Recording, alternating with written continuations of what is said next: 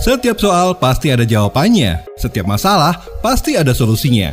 Dan setiap hal yang belum kita tahu, pasti ada cara buat untuk memahaminya. Tanya Ustadz. Tanya Ustadz. Cari tahu biar nggak keliru. Assalamualaikum Ustadz Kalau puasa terus pusing, mual, terus muntah Batal gak puasanya? Waalaikumsalam warahmatullahi wabarakatuh Kalau kita puasa kemudian mual, pusing, lalu muntah Apakah puasa kita batal?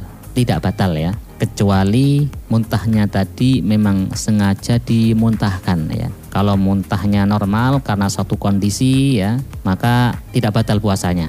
Cuma kalau dengan upaya ya agar kita muntah ya, misalkan dengan memasukkan jari-jari kita ke mulut sehingga dengan itu isi perut kita semuanya keluar, maka otomatis ibadah puasa kita menjadi batal. Kalau misalkan muntahnya karena satu kondisi ya, misalkan lewat samping temannya, temannya selama seminggu nggak mandi misalkan, sehingga baunya apek sekali ya.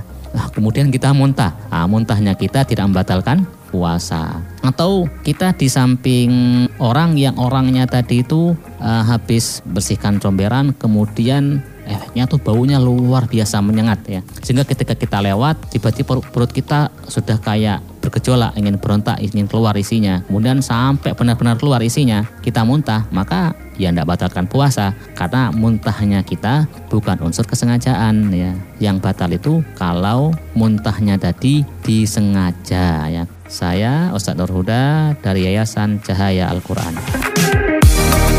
Tanya Ustadz Cari tahu biar nggak keliru bersama Subara Muslim Remaja. Subara Muslim Remaja.